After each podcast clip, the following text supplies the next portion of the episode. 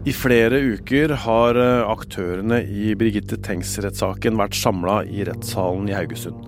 Vitner, eksperter og andre har kommet og gått, og det har blitt stilt mange spørsmål, og det er gitt eh, mange svar.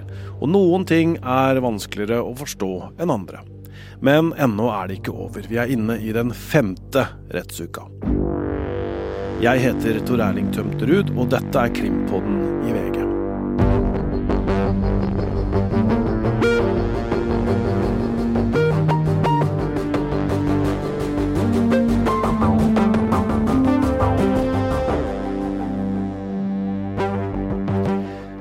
Vi har eh, nok en gang eh, satt oss ned, Øystein, for å oppsummere uka som har gått i rettssaken mot han som er tiltalt for å ha drept eh, Birgitte Tengs i 1995. Jonny Vassbakk nekter jo straffskyld, og mener han ikke er involvert i denne saken.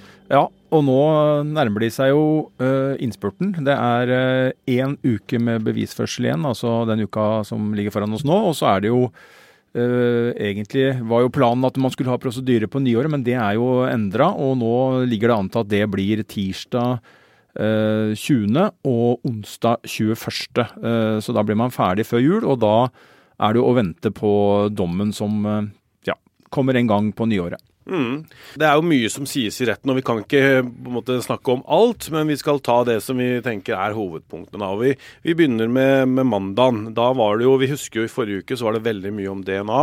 Og, og det fortsatte nå denne uka her. Og det var utenlandske DNA-eksperter som var inne og vitna. Eh, først ut var en som heter eh, Jonathan Whittaker.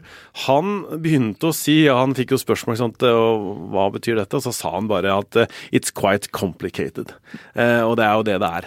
Eh, han snakka jo videre da om eh, DNA eh, og hvordan det kan smitte, og det var jo vi innom med vår DNA-ekspert Ragne Farmen i forrige uke, Øystein.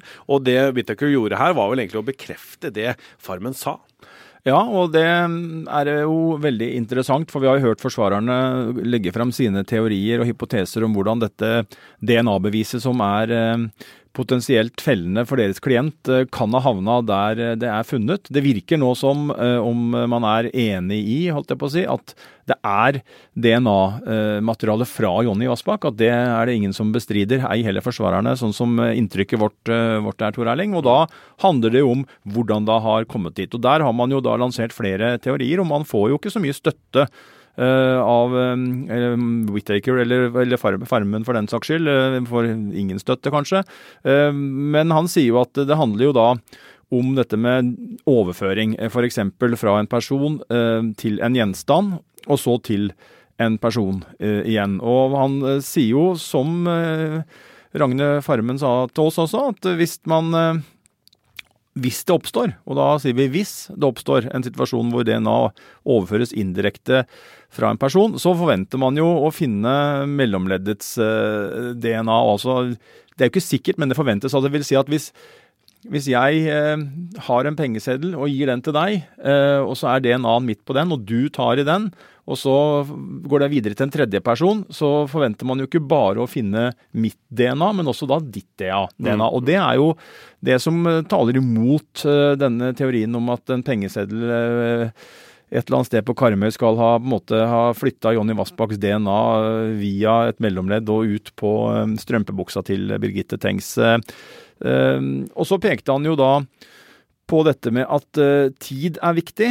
Uh, og essensen i det var at jo lenger tid det går, dess større risiko er det for at DNA forsvinner. Ja, og hvis da den personen gjør andre ting som vasker hendene sine, tar på andre ting igjen, ikke sant, og, og, og det går tid, så, så går den DNA-en tapt. Da. Det er iallfall risiko for det, eller at det er det som er mest sannsynlig. Og det, og det Whittaker sa, var at det kommer jo an på omstendighetene. Og så spurte jo da statsadvokat Nina Grande om hvis man hadde et blandingsresultat, at det var flere DNA-er fra et uh, dørhåndtak eller penger, om det da ikke ville være et fullverdig resultat? Ja, og det kunne da Whittaker bekrefte. Altså Slike blandingsresultater er derfor eh, vanskelig å, å bruke. Mm. Disse DNA-ekspertene, eh, for å avslutte det, hva tenker du det har å si for dommerne som skal avgjøre her? Påtalemyndigheten vil jo helt sikkert eh, si og bruke og argumentere med at det er eh, at det er, det er, ingen tilfeldighet at denne DNA, dette DNA-sporet fra Jonny Vassbakk er på strømpebuksa. At retten trygt kan se bort fra alle de eh, teoriene og tankene om at det enten kan ha kommet dit i, i forkant da, via det vi har snakka om nå, f.eks. Eh, med pengesedler, eller at det har kommet dit i etterkant, f.eks. da via denne politimannen som skal ha vært i kontakt med, eller som var i kontakt med Vassbakk eh, seks uker før. Eh, at det er eh, ren hypotetiske eh, eksempler og, og, muligheter, og at man ja, trykk kan legge til grunn at det finnes bare én eh, plausibel og sikker forklaring eh, som retten kan tro på når det gjelder dette DNA-sporet, og det er at det er kommet på strømpebuksa til Birgitte Tengs fordi Jonny Vassbakk eh, har, har, drept henne. Det er det vi må anta påtalemyndigheten legger til grunn. Man skal selvfølgelig vurdere bevisførselen, og man, som aktor så forplikter man seg jo til å vurdere om det har kommet frem ting som gjør at man ikke kan stå ved det man gjorde når saken starta, men jeg tror ikke det har kommet frem noe her som endrer det. Jeg tror påtalemyndigheten er av samme oppfatning, nemlig at eh, det er hevet over enhver rimelig fornuftig tvil at Jonny Vassbakk eh, er drapsmann, og at retten trygt kan dømme han. Og Så får vi jo se hva dommerne sier. Det er jo de som avgjør dette her. Ja, fordi forsvarerne må jo da bruke det de kan for å så tvil om dette. ikke sant? Det er jo det som er deres oppgave, å lansere alternative teorier og, og peke på at ja, det er kanskje sannsynlig, men ikke 100% sannsynlig osv. Ja, det går inn på tvil. Tvilen skal komme tiltalte til det gode, og det her er jo en eh, klassisk vurdering hvor det er et tema. Jonny Vassbakk nekter for å ha vært på åstedet, nekter for å ha utsatt eh, Birgitte Tengs for noe. og aktoratet mener det motsatte. Forsvarernes jobb da er jo å peke på momenter som, eh, som eh, ja, peker i en retning Eller som peker mot at Vassbakk ikke har gjort det, og så den tvilen. Og så, så er beviskravet i norsk rett høyt, og da blir det til slutt det dommerne må ta stilling til. Om det er sikkert nok, dette DNA-beviset. Én, at det er Jonny Vassbakk sitt. Og to, at det må ha kommet dit under en drapshandling. Mm. Eh, på tirsdag så kan vi vel si at det var den store avhørsdagen. For da kom en som Krimpodens lyttere kjenner godt. Det var Asbjørn Rachlew som satt i vitneboksen der nesten hele dagen. Og da kjenner vi jo historien, Stein. Ja da, han uh, forteller jo om disse avhørsteknikkene, og som uh, var på så fatale uh, i denne saken, uh, som ble brukt, uh, og da hvordan fetteren ble manipulert til å tilstå et drap han ikke har begått. så det var jo selvfølgelig mye kjent stoff, men ikke desto mindre veldig viktig å slå fast det. Og vi ser jo at at når det gjelder fetteren, at han trekkes jo hele tiden fram i, i saken. og Uh, Arvid Sjødin sa jo til Dagbladet at uh, han vurderte nå om fetteren i det hele tatt skal komme i, i retten, uh, fordi at man føler at han blir trukket inn på et feilaktig grunnlag. Men det Rakelev gjorde, var jo, ikke, var jo ikke det. Han pekte jo med fire, fem, seks streker under svaret på at, på at fetteren er utsatt for ren manipulasjon. Han har blitt lurt til å si noe han aldri har gjort. Mm. Vi trenger jo ikke da gå gjennom alt det, for det har vi jo snakka om mye her i Krimpodden. Det ligger uh, to episoder også ute om eh, avhørene av eh, fetteren på Podmy, og hvis du hører via VG+, så, så gå og hør på dem. Det må vi bare anbefale. Raklev han veit jo veldig mye om dette. Han har forska på avhør, han har studert hva de gjør i utlandet, og han peker særlig da til USA, hvor det er noe som heter The Innocent Project. Og Det handler om de uskyldige dømte der, eh, og de som mener at de er uskyldig dømte. Og Der er det tall som sier at én av fire som blir uskyldig dømt, som da på en måte får saken sin opp igjen, eh, de har kommet med en falsk tilståelse. Og, og særlig så gjelder det de yngre domfelte. Raklev eh, mener at det viser at det er en sårbarhet i avhørssituasjonen som er veldig viktig her når det gjelder de yngre da, som, som, som blir uskyldig dømt. Ja, han pekte på at 63 eh, av de yngre som er uskyldig dømt per definisjon har, for drap, har tilstått, altså da tilstått uriktig.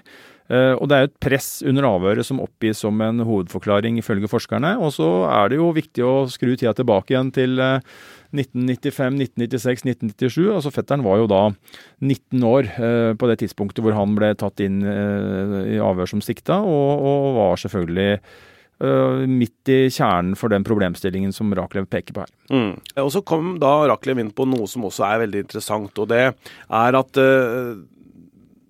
det, de falske tilståelsene de kommer gjerne til ved at det siktede Eh, den som blir avhørt, sier ting som kun en drapsmann kan vite. Men den tilståelsen kommer da altså til ved at man blir fora av informasjon av f.eks. avhøreren. Eh, det er jo litt spesielt. Ja, og det, det, er jo et problemstilling i denne saken. Og det var jo ikke bare i avhør, men jeg mener å huske også at det var i rettsmøte hvor det ble, hvor det ble informasjon, eh, kom for informasjon som gjorde at man mista jo det politiet er opptatt av i dag, i hvert fall, er at man sier at man skal kontrollere en forklaring. Og da ønsker man at man har um, en, ja, et bevis, eh, et funn, en omstendighet som gjør at man kan forsikre seg om at dette kan bare gjerningsmannen vite uh, hvis han faktisk er Altså den siktede kan bare vite det dersom han faktisk er gjerningsmannen. Mm. Um, men hvis man da spiller ut de kortene, så har, mister man den kontrollmuligheten. Og det er jo f.eks. hvis avhøreren spør om lå ikke den steinen til venstre for kroppen, og så kan man jo uh, svare og dermed gjette på at, at sånn var det. Raklev kommer innom Thomas Quick. vi kjenner jo alle svensken som tilsto mange drap på denne måten. Ja, han fikk opplysninger gjennom psykiater, fra, fra avis aviser fra, og fra politiet. Ja, og, og, jeg kan jo sitere litt av hva Rakelev sa. Han, han sa jo retten at uh, da det ble klart at det vi trodde var Nordens verste seriemorder, faktisk var uskyldig, nedsatte Riksadvokaten en gruppe der jeg var et av medlemmene, for å undersøke hva som hadde skjedd. Vi så at Kvikk fikk denne informasjonen gjennom avhørene. Uformelle samtaler utenom avhørene, og også i terapien. Mm. Domstolen fikk ikke denne kunnskapen. De så bare rapportene der avhørene var pent skrevet ned, og alt så pent og pyntelig ut, uh, sa Raklev. Og der har vi jo nettopp det vi snakker om, at man da uh, mister disse kontrollfunksjonene, og at det, man har sagt ser ut til å være, være kontrollert. Uh, fordi at det er så detaljrikt. Og så er det Svaret på det er at man har blitt fora da i ulike instanser og på ulike, ulike måter med den informasjonen. Mm. Og Så sa han videre at eh, da hvis det kommer en sånn tilståelse da, som er falsk, så blir liksom de andre bevisene i saken eh, som viser kanskje at det er en annen gjerningsmann, de blir sett bort ifra. Eller fjerna eller eh, tatt bort. da. Ja, og det er veldig farlig for en etterforskning. Og, og dette, dette um, sier man jo at man har blitt bedre på, det vi snakker om nå. At man Eh, etterforsker flere hypoteser, og at man forsøker å motbevise eh, at den sikta har gjort det man anklages for. Og så er det kanskje delte meninger om hvor godt man gjør det innimellom, eh, vil jeg tro, blant, blant annet forsvarere. da. Men Rakelev peker jo på forskning som viser at når en sikta har tilstått falsk, så påvirker det alle øvrige bevis. De andre bevisene har da en tendens til å bli endra, så de understøtter den falske tilståelsen. Og man har jo også da antagelig en, en, at Man vil jo se bort fra og, tone ned bevis som ville vært viktig, og som helt objektivt sett er det, men fordi at man da har i bakhodet at det ikke passer helt inn, så kan man jo skyve det litt til siden. Om dette sa Raklev blant annet det gjelder ikke bare vitnebevis, men også tekniske bevis. Fritz Moen hadde ikke den blodtypen som drapsmannen hadde i ett av drapene. Det førte til at politiet spurte laboratoriet om analysene kunne være feil. De trodde ikke det, men kunne ikke utelukke det. Ja, nettopp. De, de, ser bort ifra da et viktig bevis i Fritz Moen-saken. Altså, vi vet jo også at Fritz Moen eh, ble eh, frikjent for de to drapene han ble dømt for, etter sin død, faktisk. Vil du vite mer om eh, Asbjørn Rachlew, eh, så har vi også en egen episode med ham. Det var i september i år. Den episoden heter Hva gikk galt i politiavhørene? Så jeg anbefaler også den. Da har vi kommet til eh, slutten av rettsdagen på tirsdag. og Da var det en eh, politibetjent fra Sør-Vest politidistrikt som forklarte seg. Det er da den som tilhørte den nye etterforskningen i Tengs-saken. Eh, betjenten ble spurt om hvordan de jobba for å sikre elektroniske spor i denne saken nå. Og hva har egentlig politiet leita etter da, Øystein? Nei, De har jo søkt bredt etter spor som kan knytte Jonny Vassbakk til drapet. Man har forsøkt å se om man kunne finne at han har søkt på ord som er knytta til denne saken vi snakker om her, eh, altså Birgitte Tengs-drapet. Og så vet vi jo at politiet også har hatt fokus på ham. Eh, han har jo formelt også status som sikta i Tine Jørgensen-saken. Og man har jo da forsøkt å se om det var mulig å styrke en hypotese både i Tina-saken, men også da i Tengs-saken gjennom eh, å, se på søkehistorikk og ja, endevende hans elektroniske liv. Mm, hva fant de for noe? Nei, De fant jo ingen elektroniske spor som knytter han verken til uh, Tina-saken eller til uh, Tengs-saken. De fant uh, noen artikler, to artikler fra Haugesunds Avis og VG, VG-artikkelen er fra 2017. Politiet etterforsker mange kandidater.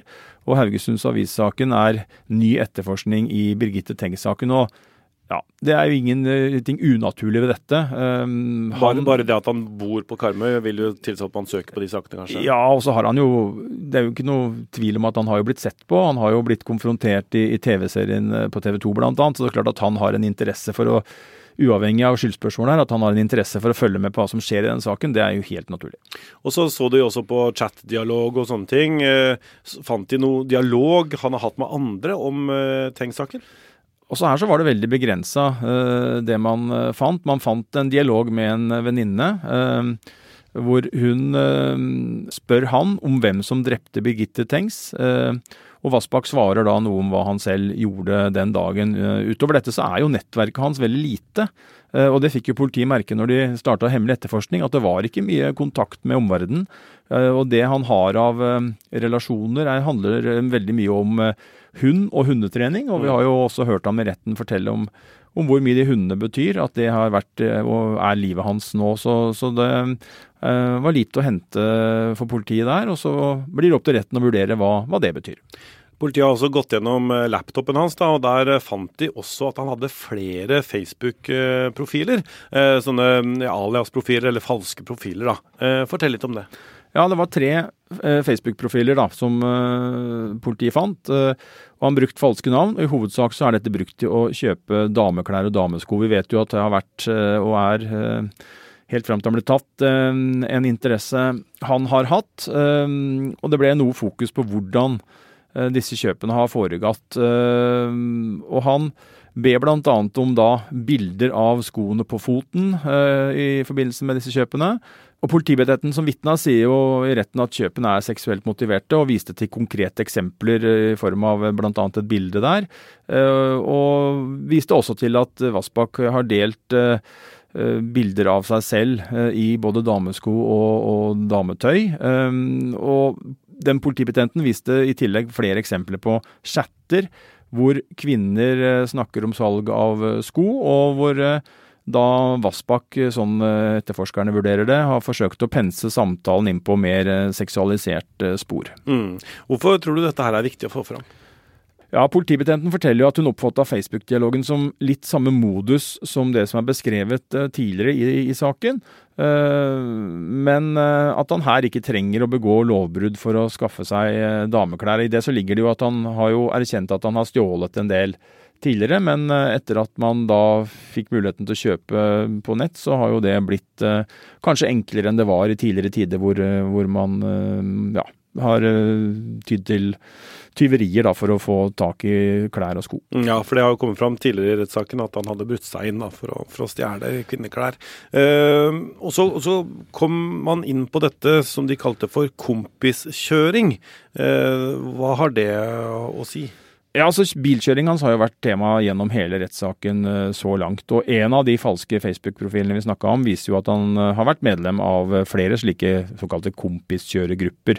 Da man avtaler henting og kjøring og sånt, da, men man ikke snakker om pris, for det er liksom ikke lov. Men, men det er jo det som ligger, ligger der. Ja, dette er nok utbredt rundt omkring i Norge. og Politibetjenten som vitna sa jo at man kunne se at han har vært inne på på grupper hvor dette var et tema. Vassbakk sjøl sier han ikke har vært medlem eller vært aktiv her. Men politiet vet jo da heller ikke om han har drevet med, med, slik kompiskjøring via Facebook. Det eneste man har funnet er at han har vært medlem. og Det er ikke noe stort poeng sannsynligvis, dette, men det er en omfattende rettssak hvor man belyser mange temaer, og da var dette noe av det man har vært innom. Ja, ikke sant. Det viser i hvert fall at de har endevendt all nettbruken hans, da.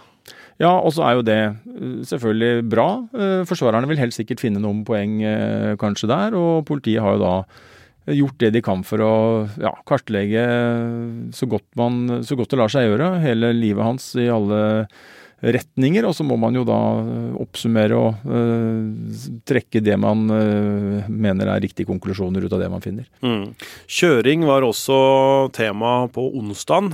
Da var det på en måte tiltaltes kjøreatferd og kjennskap til de ulike veiene rundt på Karmøy. Men det var også vitner som, som, kom for å forklare seg om sitt vennskap med, med Vassbakk. Og det var det første vitnet. Hva, hva, var det han sa for noe? Nei, Det var et vitne som, som betegna kontakten med Vassbakk som et bekjentskap. Eh, eh, og de kom vel i kontakt pga. en moped han skulle kjøre inn. Altså, ja.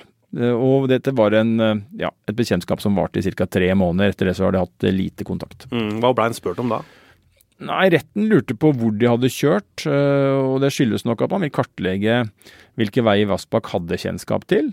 Uh, og han fortalte jo at han hadde kjørt Gamle Sundvei da, med tiltalte, som jo er denne uh, veien som uh, drapet skjedde på, og som Birgitte Tengs ble skjult like i nærheten av. Mm, og som han da har sagt at han ikke kjente så godt til?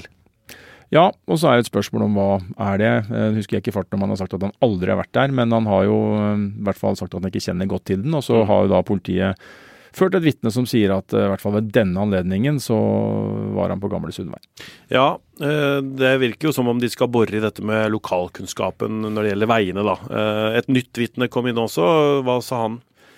Nei, det, det, er et lengre vennskap uh, fra tilbake på 80-tallet. Uh, de kjørte moped og biler, hang sammen, og de kjørte også båt. og de forklarte at de var ute og farta så å si hele døgnet. Eh, og også dette vitnet da forklarte at eh, man kjørte på gamle Sundvei, og husket eh, spesielt denne veien fordi den var grusete og humpete. Og da hadde Vassbakk sagt at det var en så dårlig vei fordi at denne veien da var gamle Sundvei. Og forteller også om andre plasser de har kjørt sammen.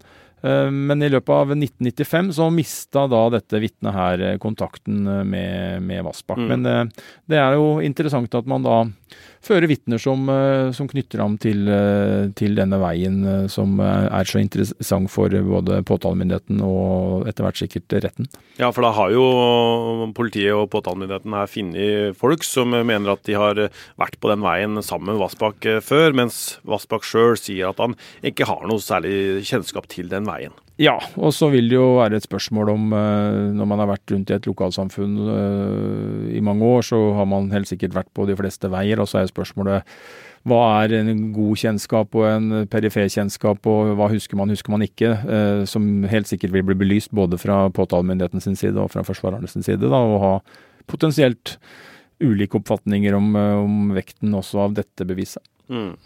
Og Så kom det inn et annet vitne på onsdag som fortalte om en eh, opplevelse med tiltalte der hun blei redd. Eh, hva sa hun? Ja, Hun eh, hadde da lest boka til forfatter Bjørn Olav Jahr om denne saken, drapet på Birgitte Tengs. og da når hun gjorde det, så kom hun på en hendelse hun hadde med Vassbakk. og Jenta var på det tidspunktet 14 år forklarte da at hun fikk sitte på i en bil, eh, og hun beskriver det som en grønn Ascona. Uh, og dette er jo interessant, fordi at uh, politiet har jo et vitne som så en kvinne, jente, lene seg mot det som har blitt antydet å være en grønn aktiv-bil i rett før, uh, i Kopervik rett før uh, drapet skjedde. Uh, denne jenta husker ikke om hun haika eller om bilen bare stoppa ved en bussholdeplass. Mannen i bilen sa han skulle hente en kamerat på, på Burmaveien. Som også er en vei på Karmøy, da? Ja. Men der visste hun at det ikke lå noen hus, bare noen hytter. Og da sa hun at hun ble, anførselstegn, eller direkte sitat, voldsomt redd. Veien var mørk, og det var ikke noe gatelys. Ehm, og da de nådde enden på denne veien, så kjørte han tilbake eh, og sa bare Nei, jeg vet ikke, jeg. Ehm, det skjedde ingenting, ehm, forklarte hun da, men, men hun fortalte kjæresten sin om opplevelsen og sa at hun var shaky etterpå. Så hun mistenkte jo eh, at noe skulle skje, men at det da gikk bra. Ja, og Så forteller hun at hun la kriseplaner i hodet sitt da de kjørte på denne veien, og at hun vurderte faktisk å hoppe av bilen, og forklarte da at hun var redd for å bli voldtatt. Eh, hun mener da at det var tiltalte som kjørte denne bilen. Ja, og da må vi legge til at uh, Vassbakk sjøl sier at han ikke husker å ha kjørt uh, på denne veien alene med noen jente, sånn at vi har på plass hans versjon også. Mm. Også en tidligere samboer av Jonny Vassbakk forklarte seg på onsdag, og sammen med broren hans, faktisk. Ja, denne ekssamboeren sa jo at det var et vanlig forhold, og at de, en gang hadde de krangla, så hun ble låst inn på et rom. men hun slapp ut igjen, og de ble, de ble venner. Så dukket han opp på jobben etter at det uh, hadde blitt slutt mellom dem. Hun sier også at han kunne dukke opp på utesteder om hun uh, var på det, eventuelt på nachspiel um, og lignende tilstelninger, men mener hun tok litt hardt i da hun kalte det for stalking, som hun har gjort tidligere, så hun modererte seg da i retten. Ja, og, og, broren eh, forklarte vel egentlig eh, at han hadde spurt da mora mm. eh, om, om, broren, da, om Vassbakk, Jonny Vassbakk, hadde blod på seg da han kom hjem den kvelden. Ja, og det svaret har jo uh, vært negativt. Mm. Vi uh, veit jo at det har blitt uh, brukt skjulte metoder i etterforskningen mot uh, Jonny Vassbakk. Og også denne uka så var det et tema. Hva var det som kom fram denne uka? Ja, det er en såkalt saksanalytiker fra politiet som forklarte seg om bl.a. dette med avlytting. Og de starta da en eh, skjult avlytting av eh, Vassbakk 27.9. i 2019. Og da var de på linja, for å bruke det uttrykket, til rett før jul. Så stoppa de opp og begynte igjen i januar 2020. Og de hadde også en runde med avlytting rett før pågripelsen, kunne denne saksanalytikeren fortelle retten. Um, Jonny Vassbakks sjøbod uh, ble ransaka da i juli 2019. Da snakker vi om en hemmelig ransaking hvor politiet går inn og uh, ikke skal uh, se at man har vært der. Og så har vi jo hørt historiene fra huset til Vassbakk hvor han avslørte nettopp en sånn skjult etterforskning fordi at det var en dørvrider eller et håndtak som, som sto i en annen stilling enn det pleide. Men politiet, i hvert fall da i både i, 2019, i, i juli 2019 og igjen i oktober samme år, så var de da i sjøboden og lette etter bevis. Og bobilen hans ble ransaka i oktober, eh, og huset hans ble altså da ransaka tre ganger, i oktober-desember 2019 og januar 2020. Da var jo da vi var inne på at eh, han eh, fikk en mistanke. Det ble gjort flere beslag, bl.a. av en telefon, fotografier, et viltkamera og et minnekort som var i et fotoapparat. De eh, fulgte også Vassbakk, altså de spana på ham eh, i perioder.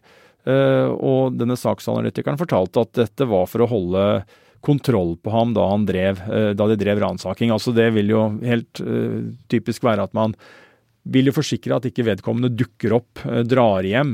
og Derfor så er det viktig at de som da er i bobilen, i sjøboden eller huset, har kollegaer på øret som kan fortelle, si fra, varsle, alarmere dersom Vassbakk plutselig begynner å kjøre hjemover, så må man jo komme seg ut før eh, han dukker opp. Det virker som de, de, snakker mye om hvordan politiet har eh, drevet med avlytting og spaning og undersøkelser og alt mulig sånt. Men, men, det har vel ikke kommet fram så veldig mange funn som knytter an til, til saken? Nei, det er, eh, det er dette DNA-funnet på strømpebuksa som er det eneste konkrete. Og så er det jo sånn at politiet vil helt sikkert, eller påtalemyndigheten vil helt sikkert i prosedyrene sine peke på et modus, peke på bilkjøring, peke på eh, dette som eh, handler om seksuell, seksualmotiverte voldshendelser.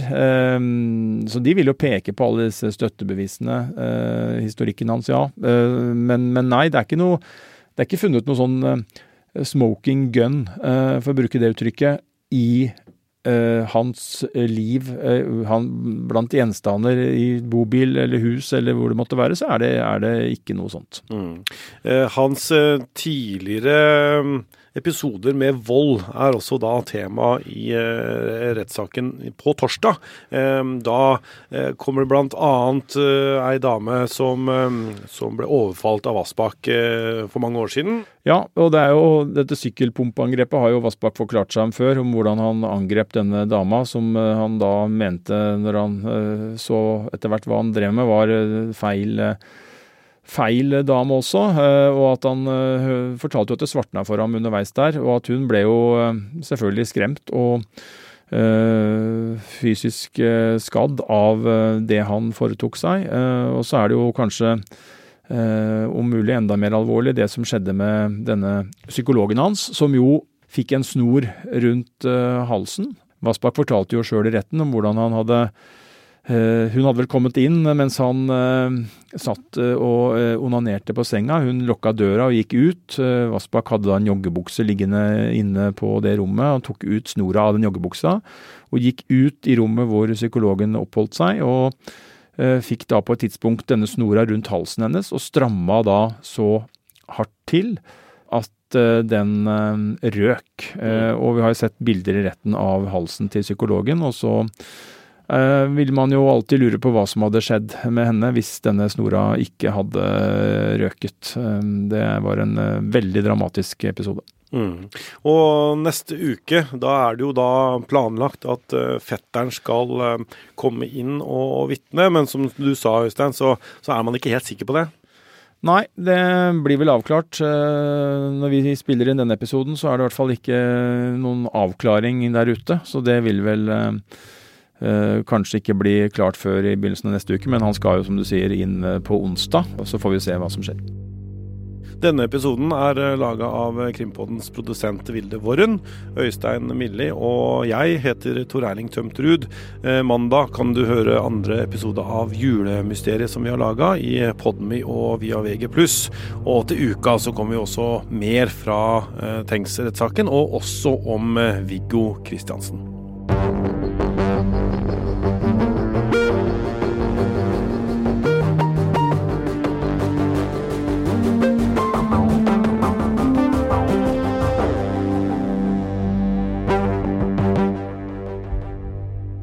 Har hørt en podkast fra VG.